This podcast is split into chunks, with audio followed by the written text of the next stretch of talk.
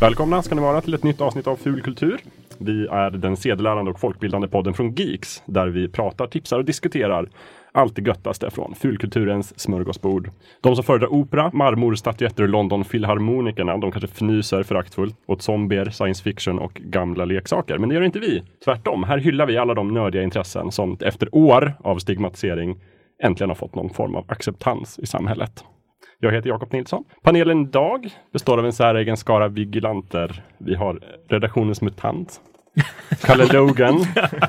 Johansson, Sundelius. Ganska mycket skägg alltså. Ja. No. Annabelle, Silver Sable, Lancelot. Oj, oj. Och så har vi välkommen tillbaka äntligen Andrea Peter Parker Granroth. Välkommen. Ja, visst. Eh, Det känns som att det var den mest träffande beskrivningen faktiskt. Eller hur? Ja. Ung ja, superhjälte. Ja, ja men jag, jag kan leva med det. Hur mår ni i panelen? det är bra. Ja, det- är bra. Ja. Man kan inte... Man kan inte klaga. Efter den här inledningen så kan det inte vara annat. Ja, men vad bra, jag jobbade länge på den. Så. Ja. Eh, idag så ska vi återvända till superhjältarna i Marvels universum, men vi ska göra en liten, vi ska vända oss bort ifrån eh, tecknade serier och papper och istället så ska vi prata om film och tv, Vita duken och Marvel Cinematic Universe som det kallas och andra Marvel-filmer också naturligtvis. Eh, vi var ju igår och kollade på den här nya filmen Guardians of the Galaxy volym 2. I alla fall tre av oss var där. Andrea kunde inte vara med tyvärr. Eh, men jag tänkte vi spar allt prat om Guardians of the Galaxy volym 2 till slutet av programmet. Så kan, för den har ju premiär idag Precis. när det här läggs ut. Så att de som inte har hunnit se den och vill se den kanske inte vill bli spoilade. Så att då kan ni lyssna fram tills vi säger till. Då säger vi stopp. Och då går du Andrea, för du vill inte bli spoilad. Nej, precis. Vi sa att du skulle droppa micken, men det är svårt när de sitter på stativ. Ja. No. jo. Så, så jag tänkte vi kan börja lite mer övergripande kanske om Marvels Cinematic Universe och eh, övriga Marvel-filmer från studiorna. Är det någon som vet varför? Alltså, det, det handlar ju massa om, om rättigheter. Från början var det ju jättemånga parter inblandade och vilka som fick Precis. göra film och serier på, på Marvel. Det var Fox som hade, vad är det de har? Fox har X-Men och X-Men. Fantastic Four. Och Fantastic Four, mm, den där, jätte, de där jättebra filmerna. Mm. Som- Som ju aldrig verkar kunna bli bra heller. Men bra, bra superhjältefamilj. Ja, precis. Och så är det Sony som har Spider-Man. Ja, exakt. Det ser man ju på deras, eh, i och med att man har samma font, eller typsnitt som det heter på svenska, när de körde både Playstation 3 och Spider-Man med samma typsnitt. Jag vet inte riktigt hur, okej. hur de tänkte där. Har Sony bara en font då som de använder till Ja, allt? jag tror det. Okej. Eller Ja. på Playstation 3-tiden. ja, precis. Nej, men det var väl så här, en gång i tiden eh, ägdes ju inte Marvel av Disney som de gör idag och då tänkte de att ett bra sätt att få pengar är väl att sälja rättigheterna till de här seriefigurerna vi har till andra studior som vill ge oss pengar. Och eftersom, jag vet inte, de måste ha varit jättedåliga på att förhandla för att rättigheterna eh, gäller ju som vitt jag har förstått det i all evighet. Så länge de fortsätter att göra filmer. Det är ett dåligt kontrakt. Sen när Disney köpte Marvel och tänkte göra egna filmer så oj då, vi kan inte göra Spindelmannen för Sony äger rättigheterna. Ja. Det var väl därför de, de försökte pressa ut de här Amazing Spider-Man och, och det efter originaltrilogin. Ja, det Att de var är... tvungna att fortsätta Ja, göra ja, precis. filmer. Jag vet inte hur ofta det måste komma en ny Spindelmannen-film för att de ska få ha kvar rättigheterna, men det är regelbundet i alla fall. Vilken stress. Ja. Sen eh, just Spindelmannen har de ju kommit överens nu. Han har ju äntligen dykt upp i, i MCU som det heter. Mm. Eh, X-Men fortfarande inte, där är ju Fox. Och de går ju ganska bra de filmerna så att den får vi nog inte se i det vanliga Marvel-universumet på ett bra tag. Nej. Men de har ju byggt upp sitt eget lilla mini-universum. Det är lite med- kul med- hur de försöker kringå det. Att de inte får säga vissa ord, typ de får inte säga mutant eller Nej, sånt. precis. De måste- Folk är bara, liksom, vad är det? Enhanced precis. individuals. Ja, exakt. Och Inhumans har de också som är någon form av mutant-variant. Och dessutom vissa karaktärer är ju med i båda filmerna. Just det. Typ Scarlet Witch och Quicksilver är med i Avengers. Fast då är de inte mutanter, absolut inte mutanter. och sen är de med i X-Men-filmen också, där är de mutanter. Då, då spelas man alla skådespelare också, eller hur? Ja, Ja, annars vore det oh ja. det dubbel förvirring Ja, annars. det blir så konstigt alltså. Eh, hur lägger ni upp ert superhjältetittande? Har ni liksom, kollar ni på alla? Har ni sett alla filmer i alla universumen och tv-serierna och alltihopa? Ja. Eller strökollar ni lite granna? Eller hur, hur, hur har ni lagt upp det? Andrea, hur har du lagt upp det? Um, alltså, jag har inte sett alla. Um, av Marvel så tror jag är Tor den enda jag inte har sett. Wow! Ja. Den första Tor-filmen? Ja, precis. Jaha, men den andra har du sett? Nej, inte den Nej, okej, heller. du Nej. hoppar alla Tor. Ja. undviker Tor helt enkelt. Ja, jag vet inte varför, men alltså den är väl på annan anledning den som tilltalar mig minst liksom. Mm. Men du är ändå svensk, du ska ha liksom, det här, det här är en hjärtefråga. Ja, precis. Äh, men eh, jag har nog sett de flesta annars. Både DC och, ehm, eller i och för sig, jag har inte sett X-Men eller Fantastic Four heller. Nej, det, det är ju... Fantastic Four är ju kanske ursäktad. Ja, det är nog ingen större miss. Nej, men jag kom in i ganska, en, alltså det var egentligen med Daredevil på Netflix som jag började, ty, tyckte det var intressant på riktigt. Mm. Innan har det varit mest att jag, jag har sett dem för att, bara för att, typ. bara för att se dem. Ehm, men eh, det är först där jag tyckte det blir, ja, Mm. blir bra på riktigt. Men har du då liksom kollat upp i vilken ordning du ska se filmerna? Eller Nej, nej, tar du bara den som inte. finns? Nej, okej. Blir du inte lite förvirrad? För det finns ju ändå någon form, är inte det lite styrkan också med MCU? Tänker jag, att det finns någon form av övergripande story. Ja, det ska ju finnas det. Men det, man hänger med eller? Ja, alltså, i- ja. Jag har inte tänkt på att det faktiskt, alltså jag vet ju att det är samma universum, men sen att det är sammanhängande på något sätt har jag inte riktigt eh, förstått. Ja, int- intressant, intressant. Kalle, hur gör du? Jag började väldigt starkt kolla på dem. Ja, Det måste ju varit Fox som var först ut med de här X-Men-filmerna. Då, Mm. då var det ju nytt. Då hade man ju inte fått så mycket liksom Marvel eh, utöver eh, serietidningarna. Så då var det ju jättespännande och nytt. Och de var väl sådär. Man insåg väl ganska snart att det kommer aldrig vara några fantastiska filmer. Så sen blev det nog en ganska lång paus. Och sen började jag kolla igen på filmerna. Ja, men det blev först lite Daredevil. Eh, Det var mycket snack om den. Sen så såg jag Age of Ultron. Och, nu, eh, och efter den har jag liksom börjat komma in i, i film, filmvärlden igen. Visst, man, man kanske har sett någon slöfilm, men det har aldrig varit något så här, ja. Det känns nästan som att det har varit lite för mycket filmer. Ja, lite, lite, lite mättat. Ja, och när, särskilt när filmerna inte varit så super, super bra till en början så har man inte, man har inte, man har inte gått och längtat efter nästa eh, film helt enkelt. Nej. Men det är ingen film du aktivt har undvikit? Ja, det ska väl vara Fantastiska fyran då. Den har ju i princip räckt med att se trailern. Ja. Och bara, nej, men det där ser inte så jävla kul ut.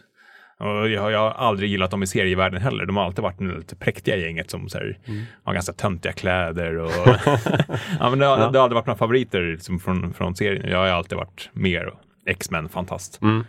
Och Spiderman framför allt. Ja, så de filmerna har man ju sett. Visst har de gjort eh, flera Fantastic Four? Ja, Ja, det kom väl en reboot eller något ganska nyligen. ja, de gjorde ju två Ja. väldigt misslyckade Ja. filmer. Och sen så tänkte de nu gör vi en reboot som varit väldigt, väldigt misslyckad också. Så att, De hade dåliga. väldigt olika toner också. Jag tror att den första var väl lite mer lättsam. Och ehm, sen så gjorde de ju den här väldigt, väldigt mörka versionen, den nya, när det var trenden, liksom allting skulle vara så himla mörkt. Men ja, det gick inte så heller så bra. Annabelle, hur lägger du upp ditt tittande? Ehm, jag var faktiskt förvånad över att jag har sett verkligen alla, alla Ja, för jag gjorde en liten filmer. lista ja, här. Precis, Ja. Jakob gjorde en lista och jag, jag har verkligen sett allting. Alltså allt från alla olika faser. Ehm, men det har inte varit alltså, supermedvetet på det sättet, utan jag har väl sett ehm, när, de, när de har kommit ut helt enkelt. Inte riktigt försökt hålla koll på eh, kronologin.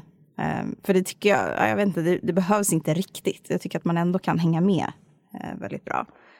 Men sen så är också så här, när, man, när det kommer till serierna också. Eh, Netflix har gjort Marvel-serier också, där Mm. det är flera olika personer ur samma team.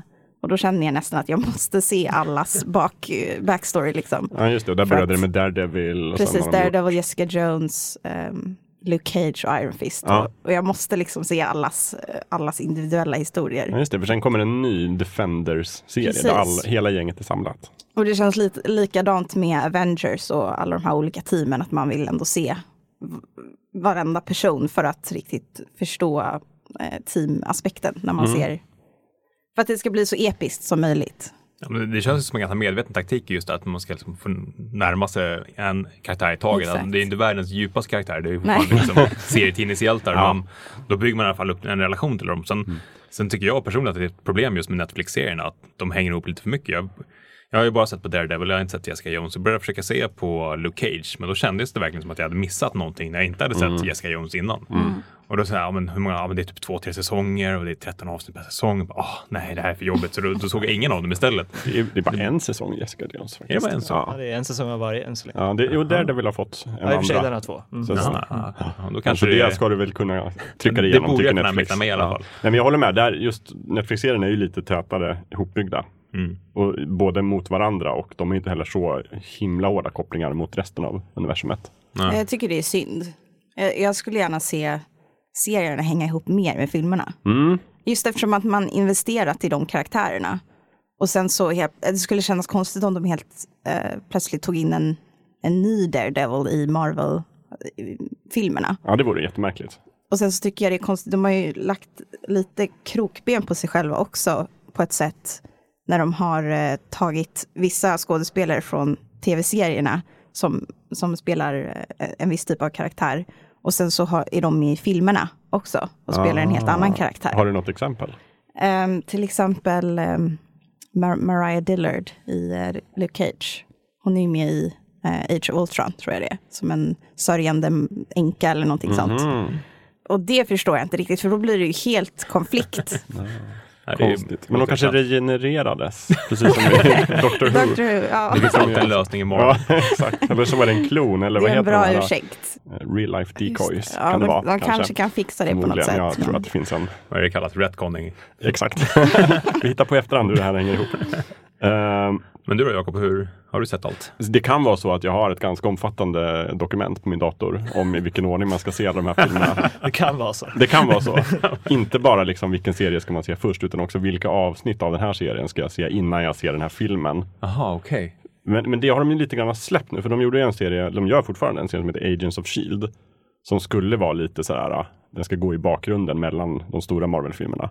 Och sen ska de gärna få in handlingen, liksom i, när det kommer en ny storfilm, typ en ny Avengers-film, så ska handlingen där påverka. Det där gick ju verkligen inte, schemamässigt fick de ju inte ihop det. Nej, det kan Nej, det var lite taskigt. Ja, och det märks verkligen. Men, men däremot så lyckades de ju några gånger och då var det liksom så att Alltså filmerna blev naturligtvis inte alls påverkade av den här töntiga tv-serien. Men däremot tv-serien påverkades väldigt mycket av de här stora händelserna i Marvel-universumet. Och då tyckte jag det var lite viktigt att försöka hänga med.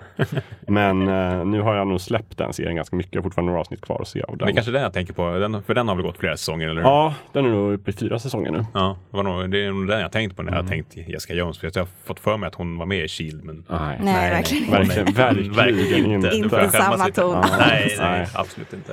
För den var ju verkligen också, man såg hur den blev drabbad, för den var väldigt tråkig och det hände ingenting i den. Och man märkte så här, ni går och väntar på någonting som ska hända, fast ni får inte berätta det först för att ni väntar på den här Captain America-filmen som ska komma. Nej, Game of Thrones eh, Ja, dilemmat. ja, verkligen. Så det tror jag, de har nog släppt det ganska mycket. Den är ganska fristående nu, för att jag tror inte man kan inte göra en serie som går en gång i veckan utifrån ett schema när de här stora eh, studiofilmerna släpps. Men hela deras koncept förstördes väl egentligen. För att de ska ju vara Agents of Shield. Ja, Och sen, ja nu blir det spoilers här, men i Captain America, vad är det, den, Civil War Captain tror jag. America Winter Soldier. Ja, Winter tror jag Soldier var det. Då, um, Spoilervarning för den ja, då. spoilervarning. Ehm, då förstördes ju hela, hela Agents of Shield. Organisationen eh, var, blev jättekorrupt och var tvungen att liksom förstöras. Så då, då, Ja, då, då Ja, blir, fast Då det tyckte jag gjorde serien deras- bättre. För då var det, det var en bra Ja, twist jag i den inte. serien sen. Att oj då, du var hydraagent hela tiden. Mm. Och sen så får de kämpa lite grann i det fördolda. Och sen så blev det lite larvigt när de gjorde det i tre, fyra säsonger såklart. de, de hade lite kämpigt här tror Ja. jag. Men, ja. överhuvudtaget försöka bygga en serie på liksom de, de, de mindre viktiga karaktärerna i, i universumet känns ju ganska vågat ändå. Man kan ju förstå att det blir lite tunt att Ja. köra fyra Men säsonger. jag kan någonstans förstå att deras taktik nu är att göra liksom ganska fristående Netflix-serier som i sig hänger ihop med varandra. För då kan man också planera den serien Jo, det är och släppa den på Netflix. De har, då är det ju tråkigt tyvärr att de inte har så mycket kopplingar till filmerna. Det vore kul att se ett litet gästskådespel någonstans. Mm, verkligen. Kanske Iron Man flyger förbi i bakgrunden. Eller en annan sak jag tycker är intressant är ju också att det är så himla olika ton i de här filmerna. Netflix-serierna är ju ganska mörka. Mycket nere på gatan och slagsmål och det är maffian och det är Kingpin och allting. Och sen så tar man liksom Guardians of the Galaxy som är vansinniga rymdäventyr. Eller Tor som är, jag vet inte vad Tor Det känns ändå som att, man har hittat just i filmerna att det för mig har Marvel, i och med att jag läst väldigt mycket Spiderman och så har alltid varit den här humoristiska tonen har alltid varit en, en del för mig i, i Marvel. Så Mm. att de här lite tråkiga, så jag har aldrig förstått varför man ska ha Iron Man som jag, jag förstod inte varför man gjorde filmer på honom överhuvudtaget. Han är ganska trist och tråkig Mm. liksom. Ja. Grejen är nog ganska mycket just där att de hade inte rättigheterna till Spider-Man eller till Nej. X-Men, för det hade de sålt. Mm. Så då fick de gräva lite i förrådet och så, ja, då tar vi Iron Man. och sen så lyckades de få till då en fullträff med det med Robert Downey Jr och det, det blev en stor succé. Mm. Ja, men det kändes verkligen som att, vad fan, vilken, vilken hjälte ska vi använda? Men Captain America har ju inte heller varit riktigt stor i Sverige. Nej, det verkligen inte. Nej. Det har ju varit X-Men, de som var översatta en gång Mm. i tiden. Av Marvel-Janne. Mm. Marvel-Janne, ja precis. Eh, vad, vad känner ni med Netflix-serien? Jag tycker att de, varför envisas de med att ha 13 avsnitt per säsong? Det är ju oftast så att de är väldigt bra i början, sen, sen känns det verkligen som att ja, men nu måste vi spä ut det här tre extra avsnitt. Mm. Och så händer ingenting mitt i och sen blir det någonting stort i slutet. Medan till exempel ja, Stranger Things var ju bara var åtta avsnitt eller Mm. tio. Det tyckte jag var helt perfekt för den storyn. Ja, verkligen. Ja men eh, alltså egentligen alla de här Netflix-serierna har ju det problemet, Mm. tycker jag. Mm. Eh, att ja, man skulle lätt kunna skala bort tre, fyra avsnitt Ja. från samtliga. Mm. Eh, Och just att de inte ens släpper dem en gång i veckan, då kan man ju förstå att det finns en poäng att man vill hålla kvar prenumeranter i två, tre månader. Ja, ja. Kolla klart på serien, men när man får allting på ett bräde, då, då spelar det ju ingen roll. Men jag blir ganska utmattad. Jag tycker att just Netflix-serierna är ju, de är bra på många sätt. Jag gillar dem och jag tycker att de har lyckats fånga den här liksom lite mörkare Marvel-tonen Mm. bra med Daredevil och framförallt kanske Jessica Jones som jag tycker är den bästa, Kalle. Som Ja. du borde se. Ja, verkligen. Tycker jag Eh, bäst skådespelare, bäst Mm. liksom, övergripande plott egentligen. Så de har lyckats på det, men det blir ändå alltid det här, lite, man blir lite utmattad. För det är väldigt mycket mörka gränder och de sitter och surar i sin lägenhet och lite sånt här. Livet är lite svårt. Som ju också liksom i serierna så har de ju också alltid haft den dimensionen tillsammans med den här lite mer humoristiska. Mm. Spindelmannen har ju alltid varit liksom både jätterapp i käften och ganska deppig för att allt han gör blir skit. och att han aldrig får liksom en break. Stackars Peter Park. Det tycker jag var en riktigt bra blandning. Jag älskar ju de första Spiderman-filmerna, alltså med Tobey Maguire. Mm. Jaså, ja. Ja, jag tror det. Eh, älskar är ett starkt ord. Jag skulle väl inte säga att jag älskar dem så riktigt. Ja, alltså nu menar jag de två första, inte, inte tre. Just det, det fanns en trea också. ja, den glömmer vi. Ja. Men eh, jag tyckte att sen dess så har ju den här komiska effekten förstärkts väldigt mycket. Jag tycker ändå att, alltså nu, har, nu är det så himla mycket, till exempel, ja, nu ska vi inte prata så mycket om Guardians of the Galaxy, men den typen av, eh, det är så färgstarkt allting och, och de har Mm. verkligen hittat en ny ton. Jag tycker Spider-Man 1 och 2 var väldigt, det var en bra balans mellan drama och, ehm, och humor ändå, Mm. på något sätt. Ehm, men samtidigt så tycker jag att Marvel-hjältarna passar väldigt bra, som vi också sagt, till det här lättsamma, roliga. För jag tycker i kontrast så har ju DC valt att gå en helt annan väg. De har ju blivit jättemörka. Just det, det ska inte vara ett enda leende i hela Nej, filmen. precis. Och det tycker jag är jättetrist. Så att jag är ändå glad att Marvel har hoppat på den här lättsamma. Ja, men det tycker jag med. Och jag tycker ändå, kollar man serieuniversumen så har jag alltid tyckt, Marvel har alltid varit min favorit eftersom att jag tycker just de har den här lite lättsammare tonen. De tar inte sig själva på jättestort allvar. Medan DC har alltid varit lite mera bajsnödiga hjältar. Och lite mera så här allvar och bistra miner. Vilket ibland är jättebra. Dark Knight Returns till exempel. Men, Ja, men som jo, ett gud. övergripande universum så bara, men... Men typ bara- Superman också. Liksom. Varför, Ja. varför ska man göra honom? Ja, nej precis. Ja. Och det tycker jag väl ändå att Disney har lyckats överlag väldigt, väldigt väl med, med sina filmer. Att de har fångat det från serieuniversumet. Mm. Det, här lite så här, det, det är lite allvar, det är mycket känsla, men det är också väldigt lättsamt och väldigt mycket glimten i ögat. Alltså det, det går ju inte att vara för allvarlig när man har trikåer på sig. Men det är jättelarvigt koncept såklart. så att, det måste ju vara det. Ja. Men samtidigt så är det episkt. Det är det som är Ja. coolt. De kan vara väldigt roliga och samtidigt ha den här episka känslan Mm. som man oftast förknippar då med lite mer drama och Mm. så. Ja, men Så precis. det är coolt tycker Ja. jag. Alltså de, de, DC måste ju bara sett liksom miljonerna rulla in när, de, när Nolan gjorde tre mörka Batman-filmer. Ja. Och så tänkte ja men fan, vi måste, måste bli ännu mörkare. Ja, vi Men tar det är ju Batman Snyder. liksom. Mm. Ja, Det precis. Jag hade, faktiskt, jag hade faktiskt men- glömt bort dem, men de finns ju också såklart. Och det är ju superhjältefilmer. De är ju jätte, jättebra. De är och det passar. svinbra. Men det är också så här, liksom, jag har så svårt att koppla Nolans Batman-filmer, att de skulle existera i samma universum som den här jättetråkiga Superman-filmen. Men gör de det? Jag Alltså, vet de har inte, väl, nej. De, de har väl typ hittat på sitt universum Ja. allt eftersom. De, de har ju det Ja. oftast och det är liksom ändå från Batman 89 så var ju det, den var ju helt fristående. Så. Utan jag tror de har blivit ganska inspirerade av, av Marvel sen. De bara, "Ah, man kan göra det som ett sammanhängande universum och då kan man sälja mera grejer. Och sen har de börjat försöka bygga det med typ Suicide Squad och, och Ja. Batman vs Superman och så här, men de har ju totalt misslyckats tycker jag. Ja. Totalt! Ja, det, är väl, det är väl det som är skillnaden liksom. Ja. Marvel har ju gjort det från början. Mm. De eh, hade han Fagel, eller vad han heter, som liksom kom på hela idén och Ja. att allt skulle vara inom ett universum. Ja. Och sen har ju DC hoppat på det. Och ser man seriehistorien så var det ju precis samma sak där. Det var ju också Marvel som började. Men vänta nu, vi har de här olika hjältarna. Det är klart att de är i samma värld i, i New York och, och kan träffas. Medan eh, DC hade ju inte så från början. Utan här kopierade Marvel efteråt. Mm. Vad har ni för eh, personliga favoriter i bland Marvel-filmerna då också? Du har pratat jättemycket om Logan. Ja, som jag- som jag ju såg den inte är en MCU-film, men Nej. en X-Men-film. En X-Men-film precis, så att den är ju fristående från, från allting annat. Ja. Eh, och jag hade inte sett några X-Men-filmer på väldigt länge. Uh, så att jag, jag såg den första, och, eh, men så fort man såg trailern på, han var liksom gamla Logan och han uh, är gråhårig och allmänt eh, förbannad som man, som man ska vara, så, så blev jag väldigt sugen. Jag, jag såg den i helgen, den var eh, över förväntan. Men det är fortfarande Hugh Jackman som är, Det är fortfarande Hugh. Wolverine. Absolut. Ja. Jag, jag tycker han passar. Alltså, det blev lite töntigt när de gjorde film 3, 4, 5 och 6. Han har ju Eh. haft vä- världens längsta resa nu. Ja, men ungefär. Eh, kul att se de här första bilderna när han är liksom fortfarande ung. Eh, i- ung Wolverine. Eh, I första X-Men-filmen. När kom den? 2000 eller någonting? ja, någonstans där. Så det är, Mm. det är 17 år sedan. Eh, och, jag är inte den som hyllar blod och våld, eh, kanske lite ibland.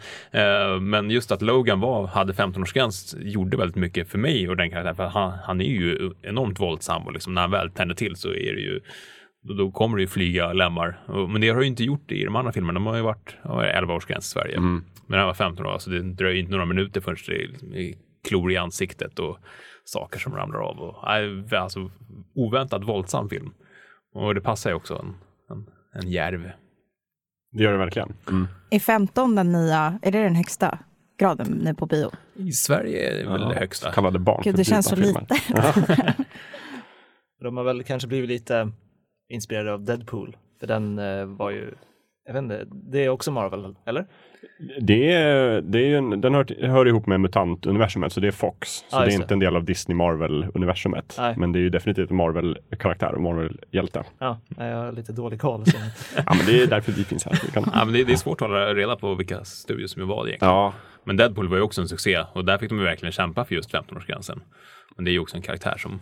Ja, han gillar gör sig ju bra. den hade ju inte verkligen. kunnat fungera annars om det inte var liksom barnförbjudna skämt. Nej, Jag. och ja, han gillar ju att skjuta och hugga av saker. Ja, ja, det är hans grej. Ja, den har- den jag glömt bort, den är ju riktigt bra. Mm. Där skulle också komma en uppföljare va?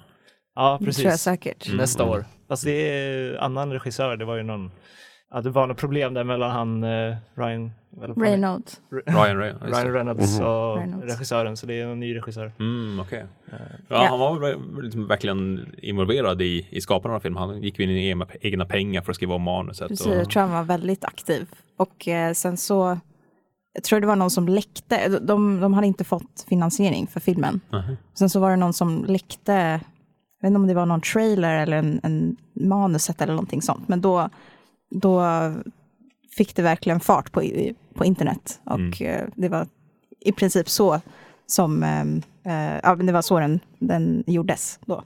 Eftersom det, det blev så många fans bakom den, eftersom någon släppte då, då Ja, någon kom- teaser eller någonting sånt. Jag kommer ihåg att jag såg, det var den här scenen med bilen, liksom det var en kort, eh, ja Kort sekvens. precis. Så då, då var den inte ens påtänkt att bli en hel film. Nej, jag liksom. tror att de, de, de ville det eller någonting sånt och de hade kämpat jättemycket för att det var ingen som, alla sa nej till, till det. Och sen så ja, fick de så himla mycket stöd av fans så att det kunde bli möjligt. Ja, men det känns ju som att många av de här lite mera udda superhjältefilmerna har just en sån bakgrund. Att regissören har fått kämpa väldigt mycket för det och studion har varit väldigt så här, tveksam till det. Eh, Även Ant-Man, som är Marvel-universumet, gjorde ju ganska stora förändringar. Det var ju han, den andra regissören som jag inte kommer ihåg vad han heter. som skulle göra det från början. Edgar Wright tror jag. Eller var det han som gjorde den till slut? Nej, hur var det? Jag kommer inte ihåg. Strunt samma. De bytte regissör mycket för att så här, studion hade en uppfattning om att nej, men vi får nog skruva tillbaka det här. Det måste bli lite mer norm- normal film. Så att, och det är ju Disney, så de är ju verkligen, de är ju förvaltare. Det ser man ju både i Star Wars-filmerna och sina egna Disney-filmer och Marvel-filmerna. Att de, de har ganska så här stränga ramar för vad man får visa ändå. Så det kan jag tycka är lite synd ändå. Jag tror att, vad är det, uppe i nu, 15 filmer. Mm. Eh, en del av dem är ju mer annorlunda än de andra. Men överlag skulle jag vilja se lite mer experimenterande. Lite mer roliga liksom, filmer. I alla fall fler eh, med tjejer i huvudrollen tycker jag. Det skulle de kunna göra. Finns det någon av de här 15 välkommet. som har en, en kvinnlig huvudperson? Alltså nej, knappt. Inga Nej. kommer på Det är Jessica Jones eh, tv-serien då, Precis, som är en på typ fem tv-serier och 15 filmer. Ja. Men det är ju konstigt, typ, alltså alla i Avengers har ju verkligen fått sin solofilm nästan. Mm. Och, och så är det bara Scarlett, eh, är, det, inte Scarlett Johansson? Black på. Widow. Black Widow, Mm, ja, precis. Ja. Och det är ju också väldigt, väldigt konstigt för att om det är någon Hollywood skådespelerska som får Ja, redan som idag egna actionfilmer. bära- Hon har ju varit med i tusen actionfilmer, Ja. typ Lucy, Ghost in the Shell. Det är klart hon kan göra en Black Widow-film Ja. liksom, på en helg. Den skulle kunna bli jättebra. Med rätt regissör och rätt manus såklart. Men jag håller med, varför inte satsa på det? Och det är inte ens Ja, de planerat. jättekonstigt. Men de, eh, de ska väl göra en film av, eh, vad heter den, Captain Marvel? Ja, Just det, Brie den Larson kommer. Ah. Ja, den ser jag Eh, fram emot. Ja, Aldrig hört talas om innan, men det är tydligen en kvinna. hon är en kosmisk superhjälte, Andrea. Ja. Hon har Okej, mycket ja. kosmiska krafter och flyger mycket i rymden. Så där. Hängde med Guardians of the Galaxy förut i serien. Men, eh, Men det, ändå gör ju Marvel det här stora arbete med just att byta ut gamla klassiska hjältar till kvinnliga motparter. Så att det, på horisonten så hoppas, hoppas man att det ska bli sån. De har ju ändrat om jättemycket. Bland annat Tor har ju blivit en kvinna. Just det, det. Eh, Jaha, du menar i, i serien? Ja, i serien, Ja, okej, precis. okej. Mm. Tor har blivit en kvinna. Vi har eh, Falcon har ju blivit Captain America. Jag vet inte om han är det. fortfarande. De byter så snabbt. Eh, ny Spindelmannen som sagt. Men varför inte göra det i filmerna också? Det är frågan. Fast det kanske blir ett skiftbyte nu. För det är också så här. Det finns ju en verklighet bland alla de här filmerna. Du har ju skådespelare som har kontrakt. Och Robert Downey Jr säger väl typ inför varje film att "Men det här blir den sista. blink, blink. Kommer jag inte få jättemycket pengar så. Eh, så att det är väl liksom någonstans är de väl moget kanske för ett skiftbyte. Mm. Och byta de här liksom Iron Man, Captain America, Thor. Ja, för nästa Avengers-film, det är, vilken är det? Den heter Infinity War, va? Infinity Wars. Det är väl en ganska avgörande Jag tror det, punkt i det, det är historien. väl typ sista. Ja, precis. Och den blir ju två Avengers-filmer. Ska vi säga. Så att det, det, det är ett tag kvar. Men, men de har ju delat upp det här lite smart i olika faser. Så de har ju kört första fasen var ju väldigt mycket så här introducera karaktärerna och sen samla gänget i Avengers-filmen. Det var liksom fas ett. Fas två är mycket, det är en ganska klassisk dramaturgisk kurva. Fas två har varit mycket så här, nu bryter vi sönder det här. Nu liksom blir det konflikter, nu blir det drama. Eh, och den slutade väl nu med Ant-Man egentligen. Mm. Eh, och sen har de kör de nu fas 3 med Civil War och med nya Guardians of the Galaxy. Och den kommer ju fortsätta den här fasen med att blomma ut i det här Infinity War som Mm. de har hintat om en, egentligen från början. Den här skurken Thanos som dyker upp i slutet på alla filmer. Och de jagar de, de här mäktiga kosmiska stenarna. Infinity Stones. Precis. Det är ändå det jag har svårast med, med Marvel X, men alltså just den här rymdgrejen. Ja, Så jag, jag skulle egentligen föredra om det bara var på jorden. Det var med, ja visst, mutanter är ju inte så jäkla verkligt, men så fort de ska liksom ut i rymden och härja med så här, ja men Det är ju kosmiska. tråkigt utan rymden. Tycker du det? Ja, alltså jag menar, det, det ger ju ändå en känsla av äventyr på något sätt. Eh, och science fiction och, och allt det där. Så jag tycker att det är, det är ganska behövligt egentligen. För de är ju, inte de flesta kanske, men många är ju aliens också. Alltså jag tänker på, ja var ska de vara om inte i rymden? ja men, eh, ja precis. Ja. Jag tänkte de menade att alla mutanter var aliens. Jaha, Då hade- nej. Då hade jag missat någonting väldigt stort. Ja. Nej men jag tycker nog, om man återigen går tillbaka till serieuniversumet så är, är det en av de grejerna jag gillar med Marvel. Att de har verkligen tryckt in alltihopa. Det finns zombier, det finns eh, magi, det finns rymden, det finns mutanter, robotar, alltihopa i ett och samma universum. Mm. Sen har de väl kanske inte alltid förvaltat det jättebra. Alltså jag tycker alltid att, jag tycker som du Kalle, att alla rymdserier, seriealbumen har varit jättetråkiga. Mm. Nästan alltid. För att jag tycker inte de tar inte science fiction på allvar. Nej. Det är uppenbart att ni bara vill berätta samma äventyr fast med rymdskepp. In space. Men liksom helt, jag sa det till dig igår, att varför, jag vill ju veta hur rymdskeppen fungerar, eller liksom så här, lite regler, som i en vanlig science fiction-film. Men det gör de inte, utan det är ju superhjältar i rymden. Du vill ha Så- lite så här Jonathan Hickman. Ja, men ja, eller? precis, och han gör ju det. Han är en av de få författarna. Han har gjort Fantastic Four och Precis. Avengers och sådär. Han har ju lite liksom, han är ju en science fiction-författare. Mm. Det gillar jag. Sen tycker jag att i filmerna funkar det oftast ändå för att de är fartiga och liksom Guardians of the Galaxy första var ju liksom superrolig. Men jag skulle inte säga att den lyckades för att det var en rymdfilm. Ja, och den är en sin egen lilla grej på något vis. Det skulle bli jättekonstigt om Wolverine dök upp i Guardians of the Galaxy och skulle hjälpa dem ute i rymden. Skulle Fast också roligt. Ja, nej. Men jo, men det är sådär. Jag tänker så inför varje ny Marvel-film när de liksom byter koncept. Så tänker jag bara, men hur ska det här fungera? Jag såg trailern till Guardians of the Galaxy och tänkte det här kommer aldrig fungera. Nu har de liksom skitit i det blå skåpet. Nu är det kört. Hela MCU kommer att lägga ner. Det här blir trams. Och sen så blev det... starka känslor. Ja, det- stängde av Youtube och gick sur hemifrån. Sen såg jag den och tyckte den funkar jättebra. Det här är ju bra. Det var ganska många som trodde att den skulle floppa. Ja. För att typ ingen kände till dem. Nej, eh, snacka om att ta upp liksom de här, liksom gräva djupt i lådan och se Ja. vad har vi för gamla rymdhjältar? Just det, vi har ju de här Guardians. Men de, undrar om det också var lite med en, en, eh, just att de inte har alla licenser. Att de behöver gräva så djupt. Jo men det tror jag. Och jag har svårt att se om de hade fått göra film på liksom Spider-Man och X-Men. Så tror jag aldrig de hade gjort Avengers eller Captain America Nej. eller Iron Man eller absolut inte Guardians of the Galaxy. Nej. Nu verkar de ju ha förstått att, men vänta nu, vi kan ju ta nästan okända karaktärer och göra film på och det ger oss en viss kreativ frihet. Ja. Och gör vi det bara bra så lyckas vi. Och de har ju någon form, även liksom de sämre filmerna tycker jag ändå har någon form av grundkvalitet. De har ju någon sorts här, Disney har ändå, de vet hur man slänger ihop en schysst, en schysst actionfilm.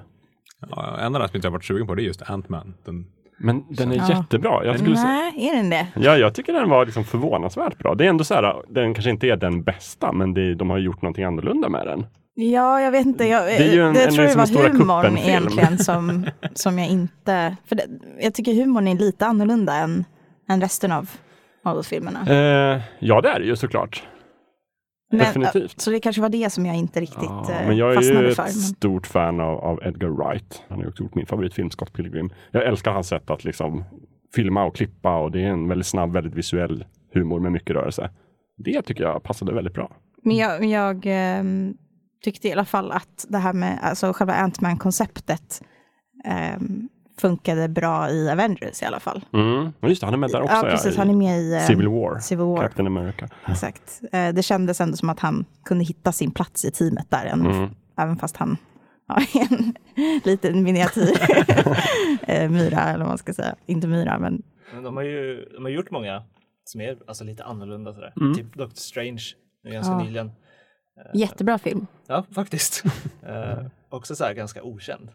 Ja, Eh, men jag tror att det är väl lite det också som har gjort att de har lyckats bättre än DC. Att de har, Marvel har ju ändå, de har ju tvingats ta risker eftersom de kanske inte haft alla licenser. Mm. Och eh, man har liksom kastat ganska vid liksom den tidpunkten okända skådisar. Typ eh, Robert Downey Jr. Han var ju inte, han var ju ingen så här jättestor skådis när han började spela I- eh, Iron Man. Men, och inte vet han, Chris Pratt Nej. när han var i Guardians of the Galaxy. Men sen efter har de ju blivit det. Medan DC har väntat och typ tills de kunde få Ben Affleck och göra en Batman-film. Ja. Alltså, jag tror att det lite kan spela roll också. Ja, men det tror jag också. Det är väl lite så också. Har man Batman som är en av världens största superhjältar, då, då tar man väl kanske inte risker, utan då vill man ju definitivt göra en film som fansen blir nöjda och glada av, för då har man en stor förväntan på vad ska en Batman-film vara. så, så väljer man Ben Affleck.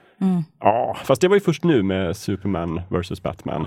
han har han varit måste, ha, tja- Daredevil han måste ha tjatat sedan 89 om att få göra den. Nu vill han ju inte göra det längre. Nej. Men jag går lite emot det. Jag tyckte Doctor Strange var så där. Alltså, Ja, för det var samma sak där. Tänkte jag också så här, okej, nu ska de introducera magi som jag har läst jättemycket serier av Doctor Strange. Så tänkte okej. Jag brukar tycka spontant att det aldrig kommer funka. Så tänkte jag det också, det här kommer aldrig funka. Och sen tänkte jag, fast de brukar ju lyckas. Så att nu kanske de ändå gör det. Men jag tyckte den var bra. Den, var, den funkade. Den var rolig. Den var Marvel bra liksom. Men jag hade hoppats att de verkligen skulle experimentera mer och göra den Ja, men lite samma sak där. Gräva ner lite så här mörk magi, demoner, hela den här liksom grejen som finns i Marvel-universumet. Utforska det lite.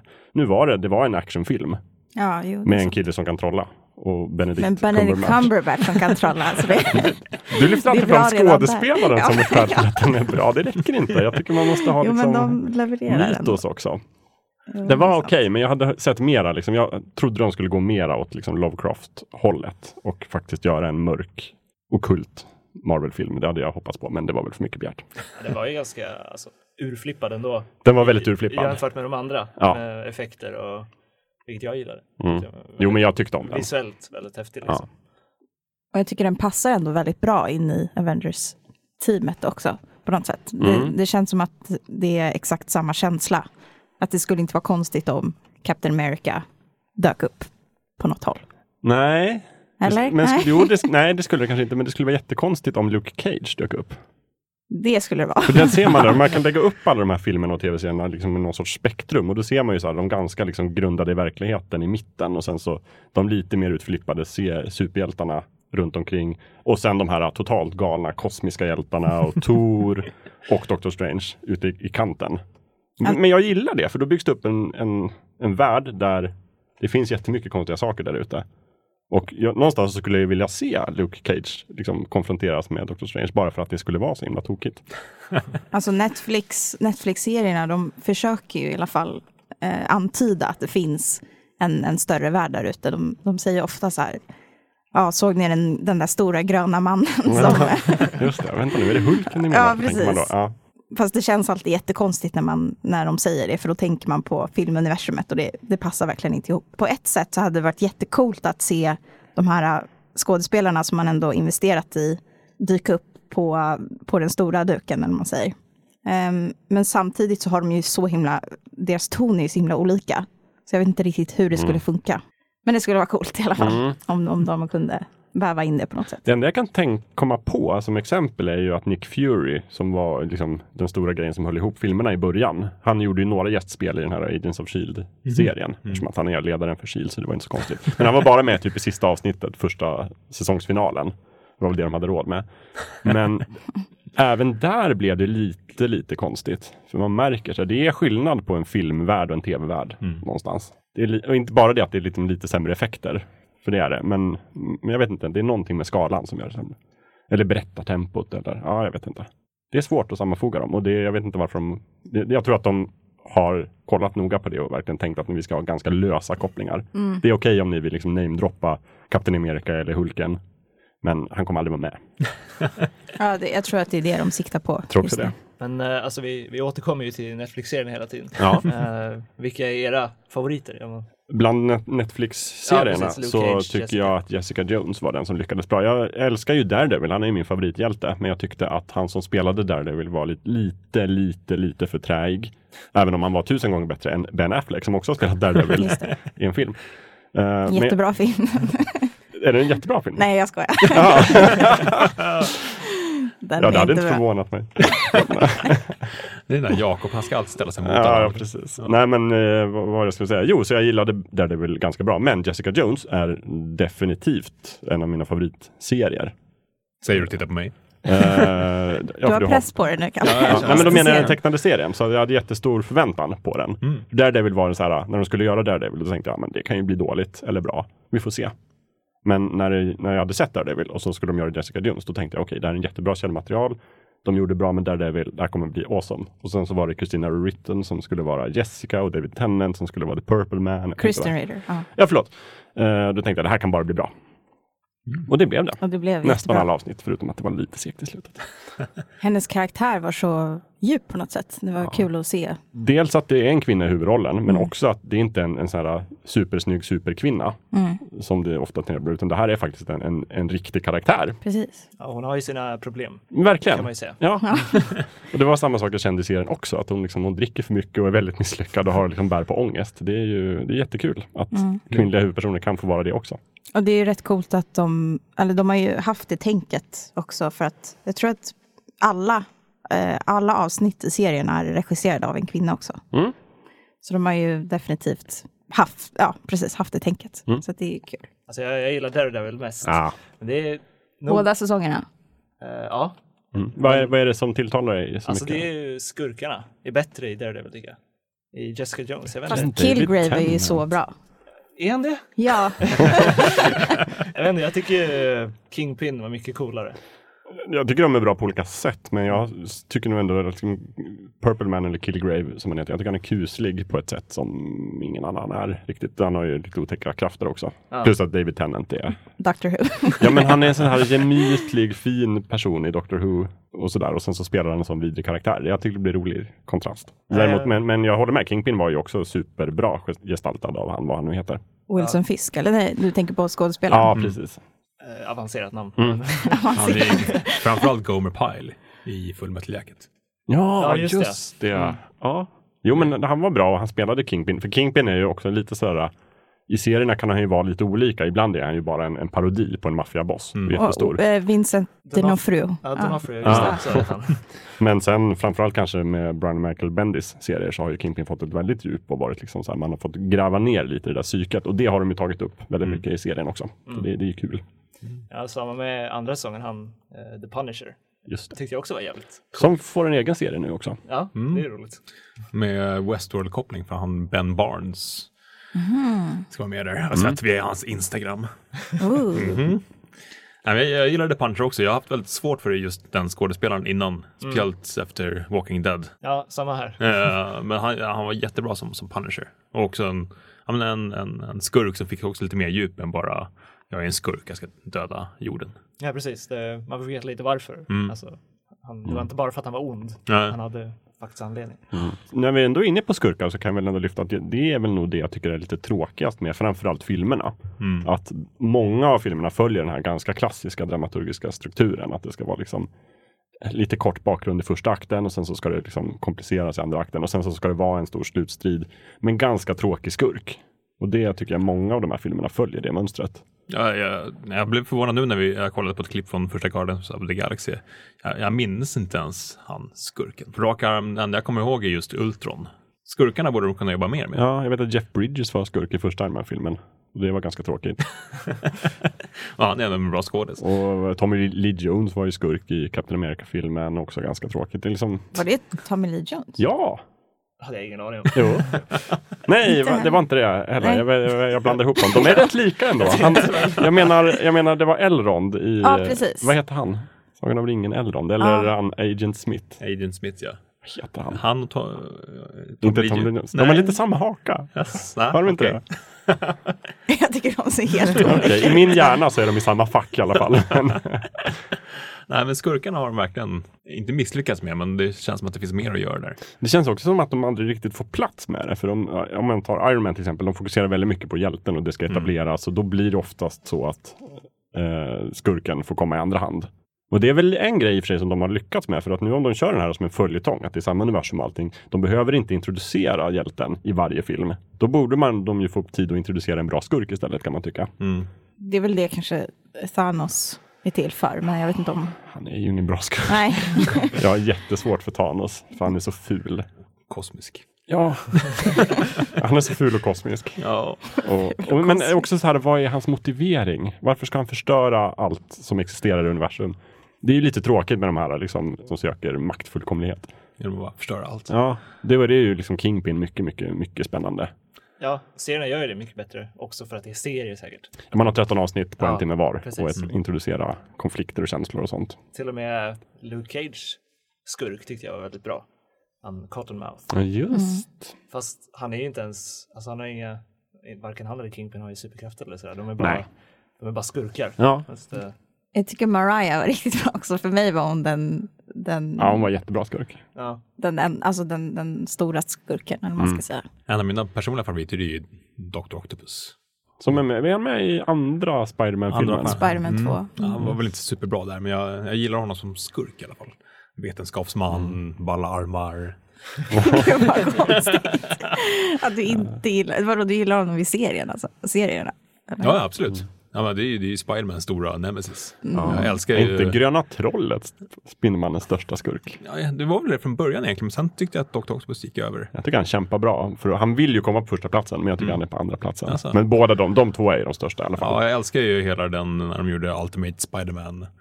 När han gick in i Spidermans kropp och tog över. Det var Just det. Superbra serie. Just det, vad heter den? Superior Spiderman. Superior heter den, inte Ja, Ultimate. Nej, Utan du Superior blandar ihop Spider-Man. universumen. Men det kan jag också tycka nu när de äntligen får använda Spindelmannen i Marvel Cinematic Universe. Så hoppas jag ju på att de bra skurkarna ska komma med också. Mm. Typ Dr. Octopus, Gröna Trollet. Mm. Inte den här skildringen av Gröna Trollet som var i de här ganska bra filmerna med Tobey Maguire. Nej, Ja, men jag- det, det spårade väl ur lite med trean också när, när hans son tog över. Men Precis. Men uh, han som är pappan där från början, han är ju han är en skön skådis. Ja. Han skulle kunna få återkomma. Och Venom får också Ja, återkomma. Venom, Carnage. Han ska få en egen film. Ja, en e egen Venom-film. Jag tror Mm. det. Jag har för mig Det är sant, men det, det. är Sony som ska göra. De tycker så här, men vi har ju ändå vi har ju Spindelmannen, vi har ganska mycket karaktärer i Spindelmannen så vi Mm. gör ett litet mini-Spindelmannen-universum. Nu vet jag inte hur det går med de planerna men det kommer ju en Venom-film i alla fall. Det Och låter då ju vet jag inte, kommer den vara kopplad till Marvel Cinematic Universe? Eller är det bara, liksom, har de Spindelmannen på lån? Eller hur funkar det? Jag. Hur många, hur många skurkar ingår i Spiderman-licensen? Alla tror jag. Men Ingo Kingpin till exempel. För Spindelmannen slåss med honom mycket i serierna. Ja, just det. Alltså, Mm. Men från början var det ju Spindelmannens huvudfiende, äh, inte ärkefiende, men han var liksom, Spindelmannen var hans ärkefiende. Och sen började han hata Daredevil ännu mer. En egen Venom-film, alltså, det kan jag inte riktigt släppa. Det låter ju helt fantastiskt. Skulle kunna bli väldigt dåligt också. Ja, det Jag säger Skulle kunna bli Spiderman Jag 3. bara kastar ut, kastar ut tanken här. Just spin-offs verkar de ju gilla att göra. I alla fall, alltså, var det nu senast, eh, när Black Panther, vad heter han? Ja, Ja, Ja, precis. han ska ju också få en egen film. Mm. Helt okänd. för mig är han en stor favorit faktiskt. Även han har ju aldrig varit den mest kända. Nej, men jag klart. kan tänka mig för, för många, alltså som mig som aldrig har läst serierna så är han inte den kändaste Jag karaktären. hoppas att de gör någonting bra av det, för jag ser många fällor Mm. i den också. I, när han är sämst så är han ju bara någon form av Fantomen-karaktär och det är mycket liksom, exotism och liksom, ovis och mycket mystik i Afrika. Ja. Och jag är en superhjälte. Men när de gör det bra så blir det bättre. Vi får se. Jag tyckte det kändes lovande i alla fall i, i ehm, senaste Avengers-filmen. Ja, Eller nej, förlåt, eh, Captain America. Captain America Civil War som ju typ Precis. var en Avengers-film för att alla Ja, Avengers var alla med. var med. Mm. Nu kommer jag säga en sak som, som får mig att låta gammal kanske också, även Jakob, men ni, eh, ni två har ju ändå växt upp med, som när, när Marvel fanns som serie, alltså som filmer och vi hade ju inte det när vi var små, vi hade ju trasiga skor och bara Mm. serietidningar att Ja läsa. men precis, vi fick ju gå fyra mil också genom snö för att Precis. köpa den där serietidningen. Ja, Och den var svartvit. Nej det var den inte. ibland var det så. Ja, nej men jag vet, för mig när nu, nu svarar jag först, Ja. för jag bara bryter in det. Men för mig så var det ju det som var så otroligt stort när X-Men kom. Mm. Att så här, wow, det här är ju en, en riktig storbudgetfilm. Med superhjältar, det är helt otroligt. Precis, någonting nördigt som egentligen som var lite töntigt att läsa Mm. egentligen. Ja, Men nu är det på vita duken. ja. Nu säljs Marvel-kläder på Big.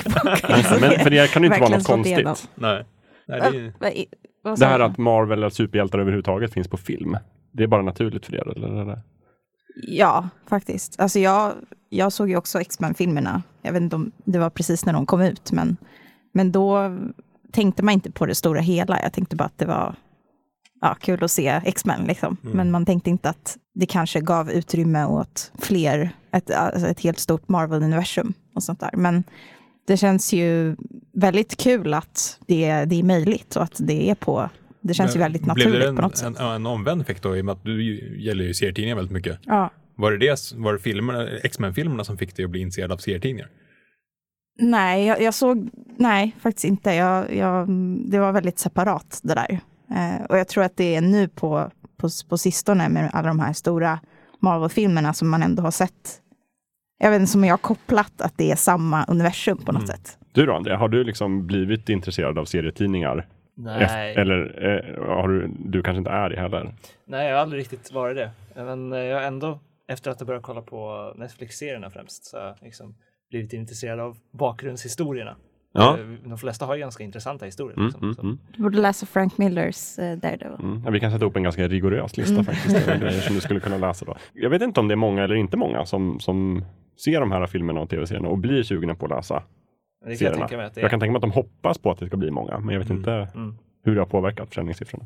Nej, och frågan är om det behövs. Alltså, serietidningarna lär ju fortfarande bara vara en liten bisyssla när, när filmerna drar in så många miljoner kronor. Ja, Och idag finns ju, samtidigt finns det ju idag mycket lättare sätt som, som jag pratade om förut med Ma- Marvel-prenumerationen i, i digitalt. Kan, Marvel Unlimited. Precis, Ja. du kan verkligen plöja serietidningar för en hundring i månaden. Ja. Men och, och för mig och kanske för dig också Kalle som har liksom, och för dig Annabelle som har liksom läst serierna först och sen utsatts för filmerna så kan jag, jag har lite dubbla känslor inför det. Mm. För jag kan tänka liksom att fast ni har, det är ju en lite urvattnad version av Marvel. Det är ju inte, det är inte riktiga Captain America som är, utan det är ju en lite förenklad version. Och, det är liksom, och jag förstår det, för film fungerar på det sättet. Man liksom, det kan inte vara tusen karaktärer i en film.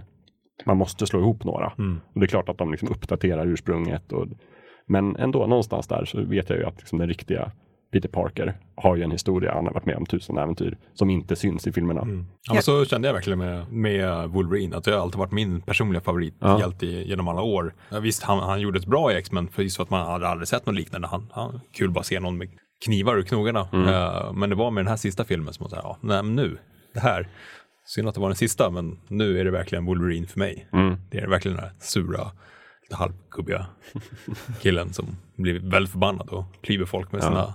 klor. Schysst kille. Mm. Ja, trevlig. Det känns som att serietidningarna kan, de har utrymme att vara så himla episka. De kan ju verkligen måla upp vilken scen de vill och ta in hur många hjältar som helst i samma story och samma mm. scen och det kan vara liksom världens största fantastiska miljöer och de kan ju ta mm. dem vart de vill och det behöver inte vara svinhög budget eller jättedyra specialeffekter eller någonting sånt utan man kan verkligen transporteras till en episk fight. Mm. ja, för vad heter det nu, Captain America Civil War. Det ja. kändes ju ändå, jag tyckte den, de lyckades bra med den filmen. Det var en jättebra actionfilm. Men det var ju lite gränsen för hur många karaktärer kan man få in i en film och ändå att alla ska ha repliker. Hade de tryckt in flera så Jag tyckte det var lite för mycket rörigt. till och med. Ja, många tyckte det var för mycket. Mm. Jag tyckte det var nästan för mycket, men inte riktigt. för jag tyckte det var, ja men de hade ju gått runt det ganska bra och fått ihop men jag tror inte man kan göra fler. Så jag är väldigt orolig för den här Infinity War att det bara ska vara 8000 hjältar som slåss. Och det kommer mm. inte vara, liksom, man kommer inte fatta, man kommer inte veta vem någon är. Det finns någon jätterolig bild som jag såg på. Det är en, en jämförelse mellan den här scenen i Captain America Civil War när alla alla två sidor möts ja, och springer de mot varandra ja. och ska de liksom så här, ja, precis, precis eh, hoppa, hoppa in i striden. Och så är det en jämförelse mellan hur det ser ut i serietidningen. Hur det ser ut på filmen och så är det så här fem personer på varje sida. Ja precis, det är tio hjältar allt som allt i filmen och det är lite på gränsen och i serien så har de liksom Ja, hur många 35. som helst och det ser så coolt ut och sen ja. så är det bara. Ja, men då är det ju verkligen ett inbördeskrig. Mm. Ja. Här är det en liten här Fem personer som springer mot varandra. Ja, men däremot så blir jag lite, lite ledsen i ögat blir jag ju framförallt när serierna tar inspiration från filmerna, när det går åt andra hållet. Mm. När liksom Captain America i serietidningen blir mer och mer lik Captain America i filmerna för att de är så populära. Ja, det har jag inte ens lyckats. Jag har inte, jag har inte läst ikapp så pass långt. Så att... Nej. Och det är liksom, ibland gör det ingenting. Jag, menar, jag har inget emot att Nick Fury, som är en väldigt tråkig karaktär i, i serien, tar inspiration och blir mer lik Samuel L. Jackson mm. i serierna. Det, det, är helt okej. Okay. Men liksom, de, de, jag har sett en trend att de verkar förenkla och liksom filmatisera serierna också, vilket jag tycker är lite tråkigt.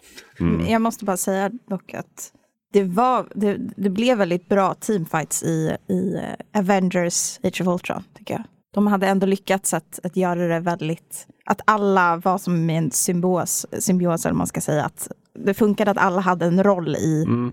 på slagfältet. Där får vi ju ge en eloge kanske till Josh Whedon som liksom ja, och Josh Whedon är ha, fantastisk. Han verkar dock ha bränt ut sig på den filmen. Så nu ja, vill han inte göra fler Marvel-filmer för det verkade nästan ha varit att han nästan dog av att göra Age of Ultron. Men han är så, så bra, ja, så duktig. Nu ligger han och vilar ut någonstans. Mm. Men, ja, nej, men det är verkligen inte lätt att göra en film med många karaktärer.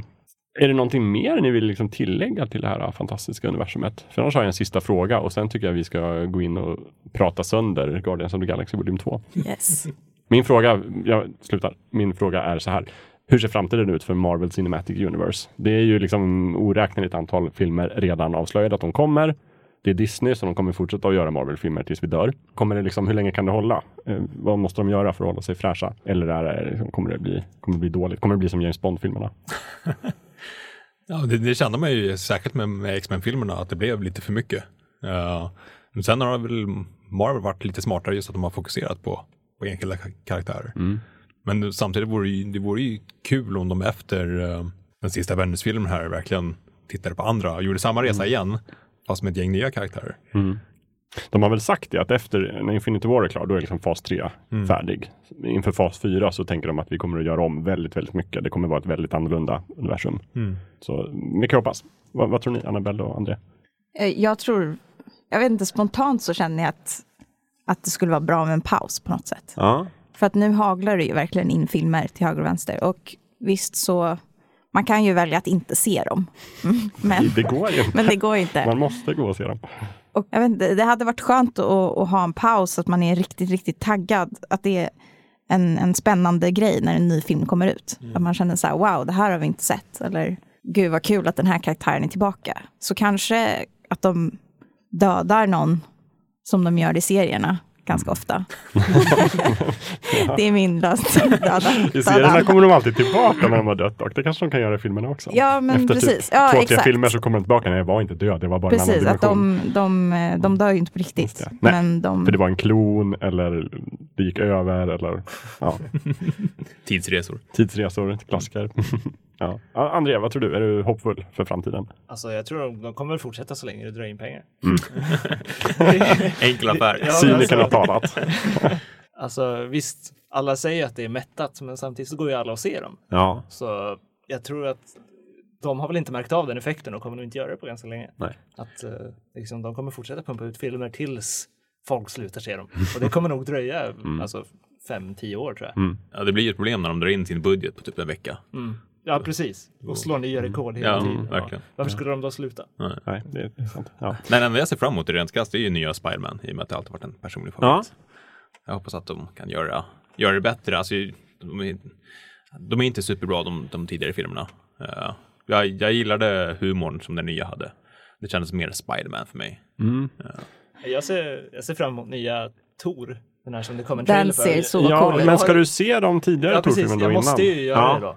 Men det är, alltså jag vet inte, jag tyckte trailern verkade bra, Ja. den senaste. Och det är en regissör som jag gillar. Han eh, Taika Waititi, Mm. Ja, ah, det är han. nyzeeländska, som har gjort typ What We Do In The Shadows. Ja, jag såg den bara för några veckor sedan. Ja, Jo, ja, Alltså den, det- den verkar väldigt lovande. ja precis. Hans filmer är ju väldigt roliga och det känns som att det, han kan göra en Marvel-film väldigt bra. Ja, Så tänk jag- om eh, Jermaine. Clement gör en liten cameo i den filmen. Då är jag överlycklig. Och han, eh, regissören själv, han gör ju alltid ca- cameos i sina filmer. Mm. Men den här skulle han vara någon stor, eh, ett levande berg eller vad han sa. Ja. En stor stensnubbe. Jag kommer inte ihåg vad han heter. Men, Det ja. ser vi fram emot. ja. Eh, vi får se nu. Nu ska vi prata om den senaste filmen, Guardians of the Galaxy Volym 2. Så vi får väl eh, se vad våran dom blir om den är konceptet är urvattnat eller om det fortfarande håller. Men med det då, då säger vi tack så mycket för, till dig André. Så Ja, får du tack. gå och inte bli spoilad för den här filmen. För du ska se den eller? Ja, Ja. jag tänkte det. Bra, då går du och gör det så fortsätter vi prata om den. Och ni som då av lyssnarna som ännu inte har hunnit se Guardians of the Galaxy volym 2 kan ju trycka på paus nu, åka iväg till bion, komma tillbaka. Fortsätt att lyssna om ni vill höra vad vi tyckte om den.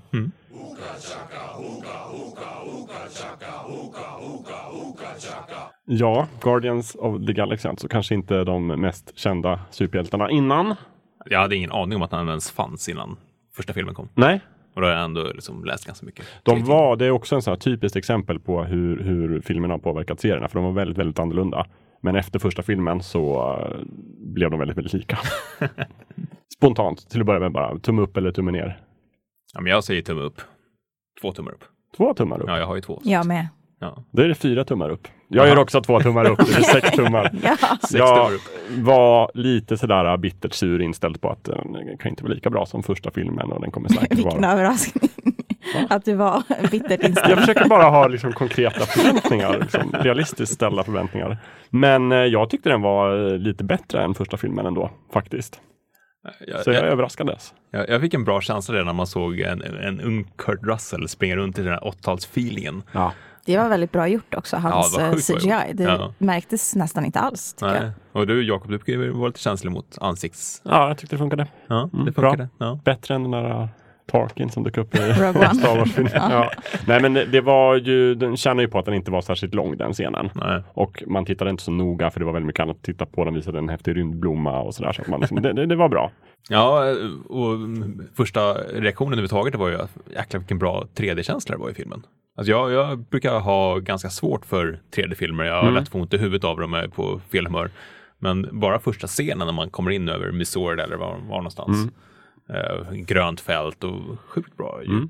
Just det. Och vi såg den här på IMAX IMAX. som är ett stort videoformat. Det är ett stort, Mm. jättestort. Så, den, den rätta episka känslan. Precis. Mm. Ja, jag gillar inte 3D heller särskilt mycket, men tyckte att det var bra också. Det var väldigt förstärkt ut på något sätt. Jag, vet inte om, jag har aldrig sett IMAX heller, så att jag vet inte om det kanske bidrog. Men det var, jag blev också faktiskt eh, imponerad av, Mm. av djupet. Ja, men jag, jag har nästan blivit sån att jag, ja, men, finns det ingen 2D-version av den här filmen istället? Mm. Just för att ja, men det, det är sällan bra och ja, nej. Det brukar inte tillföra så, så mycket. Nej, det gör Men här inte gjorde det. det faktiskt det. Ja, verkligen. Men vad var det ni tyckte var så bra då? Med två tummar upp, det är ändå det är bra betyg. Nej, men som vi pratade lite om innan sen, det, det var ju verkligen en... Jag försökte komma ihåg någon, någonting om filmen i efterhand. det gör jag inte så mycket. Det var någon form av handling. Kurt Russell var med, Sylvester Stallone gjorde några roliga scener. Men sen var det ju en jäkla berg och dalbaneåktur egentligen. Det var nästan så här man, man satt efter första timmen så här, "Hå, gud, nu var det lite lugnt, vad skönt, för att det hade ju varit non-stop action i princip. Massa starka färger hela tiden. Många starka färger. Jättemycket action. Ja, verkligen pang på hela tiden. Nästan. De, sen- de kunde balansera ut det med, med lite, med några få lugna stunder. Mm. Men jag, tyckte att de ändå kunde, det var bra att de blev ganska sentimentala också. Ja, verkligen. Sen gillar jag det här greppet som, som känns som att jättemånga gör det med det där liksom gamla James Bond-greppet, att man hoppar rakt in i en, i en väldigt, intensiv scen eh, för att sätta stämningen. Som den scenen har ju egentligen in- inte så jättemycket med resten av filmen att göra. Visst, nu hade det väl lite krokar till det som hände senare, men just den här liksom direkt in i, i uh, händelsernas centrum. In medias res om man ska prata liksom mera filmvetarspråk i, i handlingens mittpunkt. det måste ju varit James Bond som var en av de första liksom, serierna som gjorde det här. Det kan jag verkligen tänka mig och de har ju verkligen gjort det till ett stilgrepp. Mm. Men eh, ja, nej, men man kommer ju direkt in och det är också så här, det här bygger de ju verkligen på den tidigare filmen. Du behöver inte introducera Guardians för att vi såg förra filmen, vi vet vilka Mm. de är. Och om vi inte vet det så på två sekunder kan de etablera, ja det är rymdhjältar. så, bra gjort, nu kan vi liksom börja med filmen. Mm. Det var en rolig och bra öppning. Jag har alltid lite svårt för när ett stort antal skådespelare slåss mot ett datagjort monster. Men man får ju konstatera att det blir bättre och bättre för varje liksom, storbudgetfilm. Det blir lite snyggare. De har ju verkligen fått in den här, den här teamkänslan också. Ja, Det känns som att det är bra snack mellan karaktärerna. Alla har sin tydliga ehm, roll i gruppen. Nej, men det, jag tyckte just du sa det här med det, det sentimentala och det var det jag tyckte liksom räddade filmen från att vara en tråkig actionfilm. Att Ja, det var så mycket hjärta i filmen. Det handlade sorts om den här väldigt eh, dysfunktionella gruppdynamiken och liksom familjekänslan. Ja, Och det är ju en sån far och klassisk, son och ja, och det är ett sånt klassiskt grepp. Vi, det handlar om karaktärerna. Det handlar inte om vilka monster de ska slåss mot eller de här hemliga batterierna, utan det handlar om den här gruppen och hur de mår och hur de interagerar med varandra. Det är ju liksom alltid hemligheten till att göra en bra film. De leker mycket med klichéer också. Ja, Ja. Vilket är skönt på något sätt. För att det känns som att de inte tar sig själva på så stort allvar och de vet vilken sorts film de, de är. Ja, och, och framförallt regissören verkar veta det och det är jättehärligt att så här, men det här är egentligen ett typ Star Trek avsnitt i Marvel-världen, fast med jättestor budget och då ska vi banne med göra det. Det gör ingenting om det här vita bollrymdskeppet ser lite billigt ut, för det, liksom, det ska göra det. Ja, det såg verkligen billigt ut. Ja. Och sen så kommer de till den här planeten där folk har liksom tågar. Jag bara väntade mig att sådana här Star Trek aliens skulle komma ner och prata om det. gjorde de också, typ i Kurt Russells skepnad. Och självklart så är det alltid så lite mystiskt när en gud på en planet bor. Det är alltid något fuffens. Precis. Ja, det, det Så det, var, man. så det var ingen överraskande plott på det sättet. Men just det här att det faktiskt, de tar fasta på just Chris Pratt och hans liksom, relation med sin pappa. Kärt ämne som många säkert kan relatera till. Och det handlar om den här gruppen som tycker om varandra men inte kan sluta bråka och allt sånt. Och Syskonrelationer också. är jättegullig. Ja, Ja, det var väldigt många relationer. Ja. verkligen mellan, de utforskade verkligen allas relation till Ja. Och det, det var väldigt snyggt gjort. För då, vad Ja. är de i, vad är de fem stycken? Mm. Och så att alla får verkligen spela olika roller. Inte bara så här, ja vi är kära i varandra fast vi vill inte säga det. Utan också så här, alla fick vara lite pappa till Baby Groot och fick vara liksom lite storebror, lite lillebror, Det var inte bara kärleksintressen Nej. utan också att man har Många olika någon annan. Ja, familjerelationer. hej, Ja, precis. Till och med Drax fick blomma ut lite. ja. Ja, Det var, det var bara fina stunder tycker jag. ja men det, ja. Det var många, Ja men de verkar ha förstått så här, det folk gillade med första filmen, Mm. det var dels humorn och dels liksom att den var snygg, men också framförallt just där att det är mycket hjärta och vi, vi ska bygga en familj. mm, väldigt karaktärsdrivet ändå, trots all action. Mm.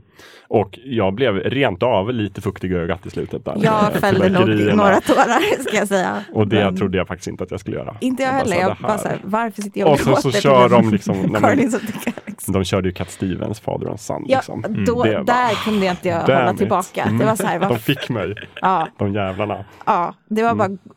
precis, precis i slutet, det var bara alltså, smäll efter smäll. Det var, och sen så kom Cat Stevens, då var det bara ja, kört. precis. Det var ju tur man hade de här 3D-glasögonen för, som Ja, precis, jag tänkte också det. ja, roligt. Ja, men du bara satt och skrattade, eller kan det? Eh, nej, ja, alltså, Kände du en känslomässig sträng slåsan? absolut. Alltså, speciellt man, sen man blir förälder så funkar ju alltid liksom pappas son-grejen. Alltså just det här, alltså sjukt ostig scen när de börjar kasta boll till varandra. Men jag kan ändå liksom Ja. relatera till det. Att, Ja. det är klart, det första han vill göra det är att kasta boll med sin pappa. Det är det han har drömt om hela. Och de berättade ju väldigt bra att det var liksom, det hade han ju redan liksom planterat. Det fröet hade redan planterats en halvtimme innan. Ja, ja. ja jag gillade det. Återigen så var väl skurkarna lite svaga kortet kanske. Ja, eh, det räddas ju ganska mycket av att Kurt Russell är Kurt Russell. Mm, men absolut, det är väl kanske inte den, så här, den djupaste motivationen kanske. Va, men varför vill du förstöra hela universum? Ja, han ville bara så sin säd. ja, ja. Och hans dockscener var jätte, jätteförbryllande. ja, verkligen. Där Har han byggt upp det där innan Chris Pratt kommer till hans hem? Ja, Precis. väldigt, väldigt skumt. Jag gillade mer Guldfolket. De var... De var, de var väldigt roliga, Ja. speciellt eftersom de var så var lite arkadkänsla över Ja, deras existens. Ja, jag älskade deras rymdskepp. Mm. När man liksom, för jag satt verkligen precis i, när de blir jagade i början där av de här 8000 rymdskeppen, så tänkte jag verkligen så här, bara, "Nej, det här är så himla tråkig actionscen. Det är precis som ett dataspel. Det är bara blipp, blipp. Och sen så liksom klipper de och så får man säga att det är som ett dataspel. jag tycker det var jättesnyggt. De bara, regissören säger så här, vi vet vad ni tänker, vi vet vad det är för film Mm. och nu kör vi. Liksom. Kul.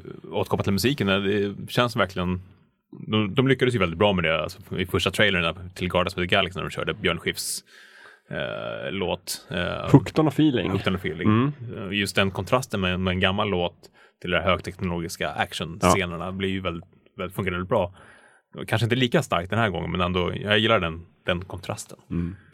Ja men det är ju så man måste göra tror jag. Man ska liksom visuellt visa en värld består av liksom galna rymdskepp och färg och form och liksom lila och planeter. Mm. För att liksom grunda det i verkligheten på något sätt så är det ju ett snilledrag att ta in 80-talsmusik och 80-talsgrejer Mm. som en freestyle eller liksom Vad säger man, heter det anakronism? När det är någonting som inte...